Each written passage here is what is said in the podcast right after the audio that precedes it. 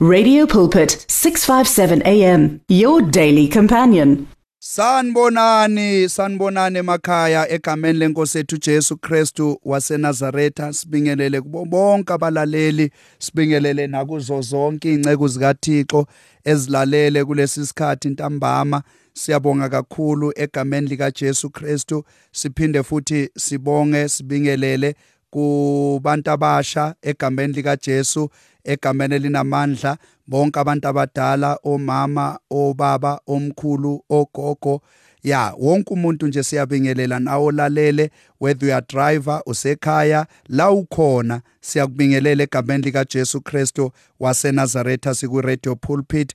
Uhlelo oluhamba phambili ngendlela emangalisayo olulalelwa ngabantu abaningi ngendlela emangalisayo. Radio pulpit 657 am egameni lika Jesu umfundisi umoyo ke lo we Christ Family Assembly silaphayana ke eArcadia ePretoria Arcadia Hotel. Mawufika lapho uthi ufuna iChrist Family Assembly kuPastor Moyo egameni lika Jesu bazokubonisa sine auditorium siphakathi lapho sikhonzela uNkulunkulu lapho izinto ziyenzeka uNkulunkulu uyakhuluma kuleya ndawo uyabaphilisa abagulayo wenza imangaliso uNkulunkulu kuleya ndawo egameni lika Jesu Kristo waseNazaretha. Eh ngizoqhubeka ke balalela emakhaya ngendaba yami engiqale last week uhambo lwabantwana bakaIsrayeli bephuma eGibhite bayongena eKenani egameni lika Jesu Kristu waseNazaretha. Now eh eh ngizoyifunda from verse 13 to verse eh 15 egameni lika Jesu. Now lithi iBhayibheli kepha uMosi wathi kubantu ningesabi qinani nibone ukukhululwa usimakade azonenzela khona namuhla ngokuba laba baseGibhite enibabona namuhla anisayi kuphinda nibabone naphakade. Usimakade uzonilwela. Nina thulani du. Eh verse 15 usimakade wathi kuMose ukhalelani kimi na? Khuluma kubantu bakaIsrayeli ukuba mabahambe. Eh last week besibheke uhambo lwabantwana bakaIsrayeli ngesikhathi uNkulunkulu esebakhulule ezweni lobuqila kuFaro. Naw lithi izwi likaNkulunkulu uFaro uNkulunkulu waseqinisa ke inhliziyo kaFaro. uFaro wa realize ukuthi no man sengenze iphutha la ngakhulula labantu kanti njengoba ngibakhulula kanje sekusela igap la labantu bebesenzela yonke into. Labantu bebeyizigqila zethu. Labantu sila esikhona khona ngenxa yabo. Yibona kade besenza umsebenzi thina bese sithola udumo. Ngamanye amazwi labantu njengoba bengasekho sesizoqala qala thina sixabane thina sodwa ngoba sizoba exposed ukuthi kahle kahle thina asazi lutho. Kahle kahle thina njengoba besibaphethe labantu kusho ukuthi ngamanye amazwi sesizoba exposed nomsebenzi ngeke usaqhubeka. Nale nalobukhazikhazi obukhona la esesibakhe iminyaka eminingi kangaka beyizigqila kahle kahle akusekho umuntu osazoba osazosustaina lento esesiyiyo. Asibalandeni labantu sibabuyiseni back baqhubeke basisebenzele. Now lithi iBhayibheli besasendleleni.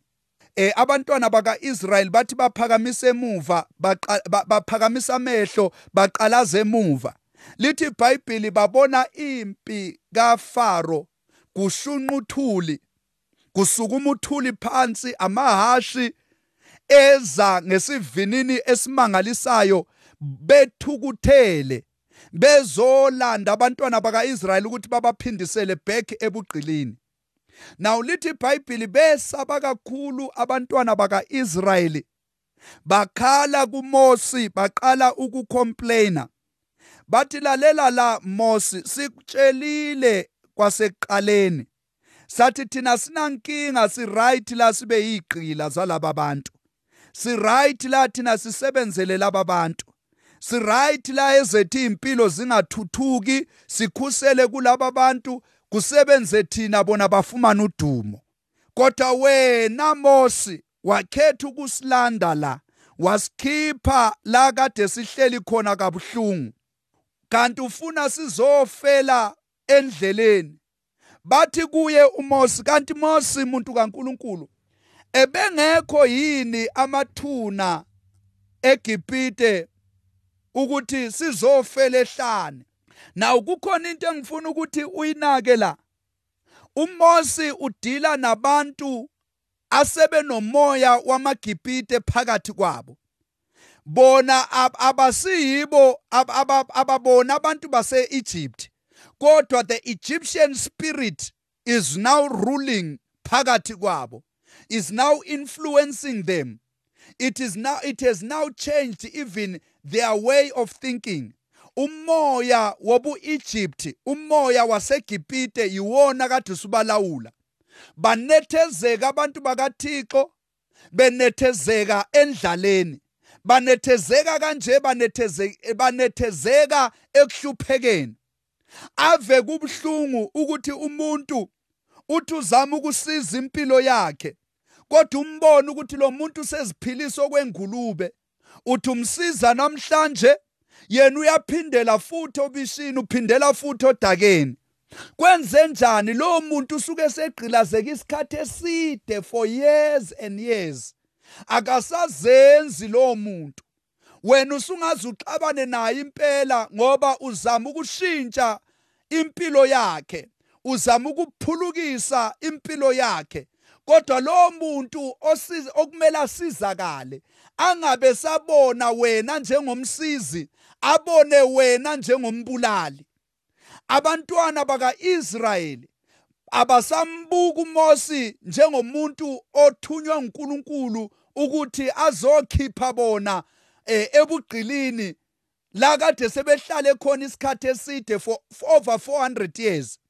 Kodwa sebembuka njengesitha ngoba bebona bebona isizwe samaGibhite sibalandele emuva. Ngamanye amazwi babona uFaro ethukuthele ezoqeda ngabo. Babona ukufa. Bakhohlwa ngesithembiso saseKenani babona ukufa. Bakhohlwa ngempumelelo eyayiphambi kwabo. Babona ukufa. Bakhohlwa ngezinto ezinhle uju nobisi kade uNkulunkulu ebabekele bona phambili. Bathi kanti wena muntu kaNkulunkulu usikhipha lapha ya kanti uzosifaka la la isizofela khona ehlathini.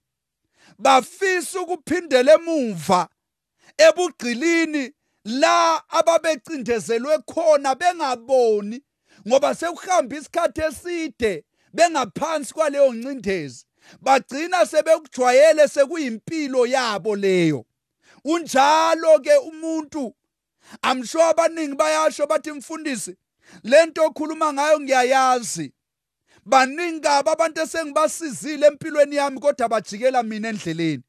Baningi kabi abantu esengizame ukubasindisa empilweni yami ezintweni ezinzima ezizoqeda ngabo kodwa bona bangiphendukele endleleni. Baningi abantu abanye ngabantwana bakho. Ubalanda kusasa kuma drugs ubakhiphe ubafake ezintweni ezizobasiza okanye ubatholela usizo. Kodwa bajikela wena njengomzali babuye bafike la ekhaya bantshontsha iproperty yala ekhaya bayodayisa babuyele back futhi kuleso simo kade beyiso sona izolo. uMosi naye wayebhekane nesimo esinjalo. Ukhipha abantu kodwa endleleni ngenxa yobude bendlela. Bajikela yena. Now lithi iBhayibheli bacomplain abantwana bakaIsrayeli. Bathi hayi khona Mose sibuyisele emuva la usithathe khona. Sibuyisele emuva la esicindezelwa khona si right lapho thina. Uyabona ukuthi abanye abantu kahle kahle abadingi nomuthi ukuthi bathakathwe. Badinga nje i-environment for isikhathi eside bephansi kwaleyo environment leyo environment ishintsha nokucabanga nokwenza kwabo. Bagcina sebeyijwayela i-environment enzima i-environment abangadalelwanga yona i-environment okungamelanga baphile kuyo. Bagcine sebephila kuyo ngoba sebejwayele i-environment. Abanye bahleli ngisho nabangani aba very toxic. And uyazi kahle ukuthi labangani awusabadingi empilweni yakho. Uyazi kahle ukuthi lo muntu awusamdingi empilweni yakho. Kodwa ngoba lo muntu sowacreate i-environment around you eyobugqila ekwenza ukuthi ungabe usabona ukuthi kunempilo ngaphandle kwaleyo muntu. Now nofaro wayenjalo ke kulabantwana bakaIsrayeli. Bajwayela isystem kaFaro nobunzima bempilo baseGibhite to an extent ukuthi noma sekukhulunywa ngeKenani iKenani kubo ayisenandawo emoyeni wasengqondweni zabo. Noma usukhuluma ngempumelelo kubo noma usukhuluma ngamabhizinisi amakhulu kubo lo muntu ingqondo yakhe ayisekho yena lapho. Noma uthi kuye kulo muntu lalela wena you are a multimillionaire you are a multibillionaire. Lo muntu akasakuzwa nokukuzwa ngoba sewajwayela njalo ukunikezwa isalary njalo useyikolodini uma eqeda kuhola kumele aye kumashonisa ayolanda imali naye umashonisa seyamazi ukuthi hayi ngiyamazi umkhozi ngeyi7 okanye ngeyi6 uzofika la ngiyazi kahle. Umashonisa naye usephakeme empilweni ngenxa yakho ngoba uthatha imali unikeza yena. I-environment leyo umashonisa aseyacreatela yona ukuthi njalo wena kumele uhlale ubuyela khona. Manje i-environment bazalwane i-addictive. Nayo inkinga nge-environment. I-environment mangabe isitha sicreate kahle siyakwenza ukuthi isitha ungabe usabona amanye amathuba ngaphandle. Ungabe usayibona ipotential ekuwe ngaphakathi kwakho ukuthi nawe ungavuka kusasa uwutho. I-environment iyakwenza ukuthi ucabanga ukuthi impilo yakho iphelele la incike la kulomuntu hayi man ake ngithandaze namhlanje ngithandazela abantu ababanjwe ngumoya we-environment yaseGibhite abantu abathi noma sebebakhiphile einhluphekeni ekungcindezo kodwa bona bethi nabesendleleni bathi nabebheka emuva bebona isitha sisiza ngamandla empilweni yabo bakhumbula ukubuyela emuva bakhumbule ukuphindela bakhumbule ukujika bathi no thina sibuyele emuva kuleya environment. Now lithi iBhayibheli ke uMosi wasekhuluma noNkulunkulu. Uncengela abantwana bakaIsrayeli ukuthi Jehova lesisimo esengibhekane naso angazi ukuthi ngizokwenza kanjani. Naw lithi iBhayibheli uNkulunkulu ukhuluma nomuntu wakhe. Uthi no batshela abantwana bakaIsrayeli ukuthi bengesabi abame isibindi. Kukhona abantu engizokhuluma nabo namhlanje ukuthi ungesabi ima isibindi ungesabi ungatatazeli. Lithi iBhayibheli uma ngabe umoya wombusi ukuvukela ungayishiyi indawo yakho. Baningi namhlanje abantu abashiye indawo yabo yokukholwa balandela ezinye izindlela ezinganabunkulunkulu ngoba besesaba izitha ezilandela emuva ngoba besesaba umoya kaFaro ozobaphindisela ebugqilini. Lalela uthi uNkulunkulu namhlanje ungesabi ima isibindi ebazalwane ebalalele emakhaya. Lempilo esiphilayo ifuna umuntu onesibindi ayifuni umuntu ontengentenge. Impilo bazalwane ayifuni umama baby impilo bazalwane ayifuni umakhala njalo. Impilo bazalwane ayifuni umuntu osephila isikhathi eside ephila ngokwenzelwa ngabantu. Ngoba lo muntu okwenzelayo ugcina eseyinkosi esengumbusi wempilo yakho. Kube ngathi lo muntu mayengasekho empilweni yakho sekuphelile ngawe. The devil is a liar. uNkulunkulu ukhona empilweni yakho. uNkulunkulu ungumqali ungumphelelisi wokuphila nokukholwa kwakho. Wena uNkulunkulu uzokwenza uachieve izinto ezingaphezulu kwalowo muntu kade ecabanga ukuthi wena angeke wenze lutho ngaphandle kwakhe. Khona abantu engizokhuluma nabo namhlanje. Abanye sebehlale for iminyaka neminyaka kulowo msebenzi abakunyuseli nomholo kodwa usebenza i-overtime usebenza kanzima usebenza njengendlovu kodwa udla njengentuthwane. Abanandaba nawe kusebenza wena kubongwa bona. Hayi lalela namhlanje ngazuthi uNkulunkulu ungithumele kuwe. Akubheke nawe mani ngaphandle aku-aplaye uNkulunkulu khona umnyango omkhulu azokuvulela wona. Sometimes ukuba loyal to poverty akukusizi. Kukusiza ngani ukuba loyal? Uthi ngiloyal mina kulomsebenzi sengina 20 years ngisebenza la kodwa ekugcineni kwakho konke bakubonge ngewashi. Uyazi kahle kahle nabe kunikeza iwashi kahle kahle wathi omunye uma ngabe bakunikeza iwashi kulowo msebenzi osebenza kuwo. Uthi kahle kahle bathi kuwe thank you for wasting your time all these years. Ngoba siyazi ukuthi na uphuma la vele ubuncike kithi uthembele kithi. Usiyobuyela back to square one. Hayi mani bazalwane ngiyathandaza egameni lenkosi yethu Jesu ukuthi uNkulunkulu akakusize kumoya we-environment. Egameni lika Jesu Kristu. uNkulunkulu akakukhulule kwabanye abantu ongabadingi empilweni yakho.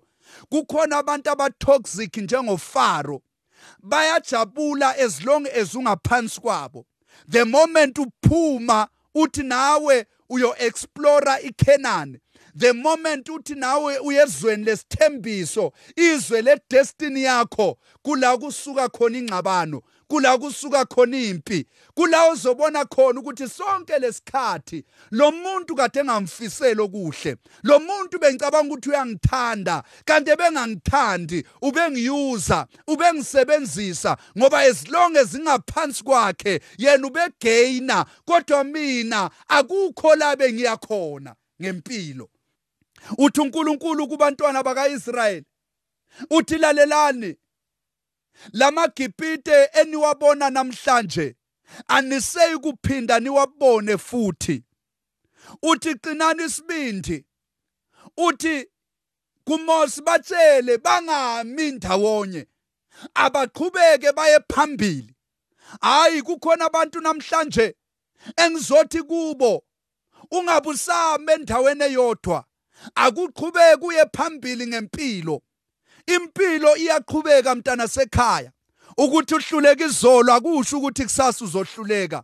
Qhubeka kusasa uNkulunkulu uzoyenza indlela.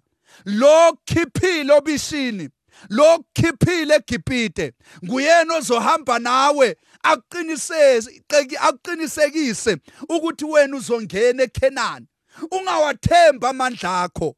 Futhi ungathembi izitifiketi zakho ngoba baningi abantu abanezitifiketi bahlele emakhaya banamsebenzi kodwa themba uJehova wakunikeza izitifiketi nguyena ozokwenza ukuthi izitifiketi zakho zikufikise la uJehova akufuna khona. Ngiyathandaza namhlanje egameni lika Jesu ngizothi kubantu qhubekelani phambili. Unganaki lokho kuzemuva.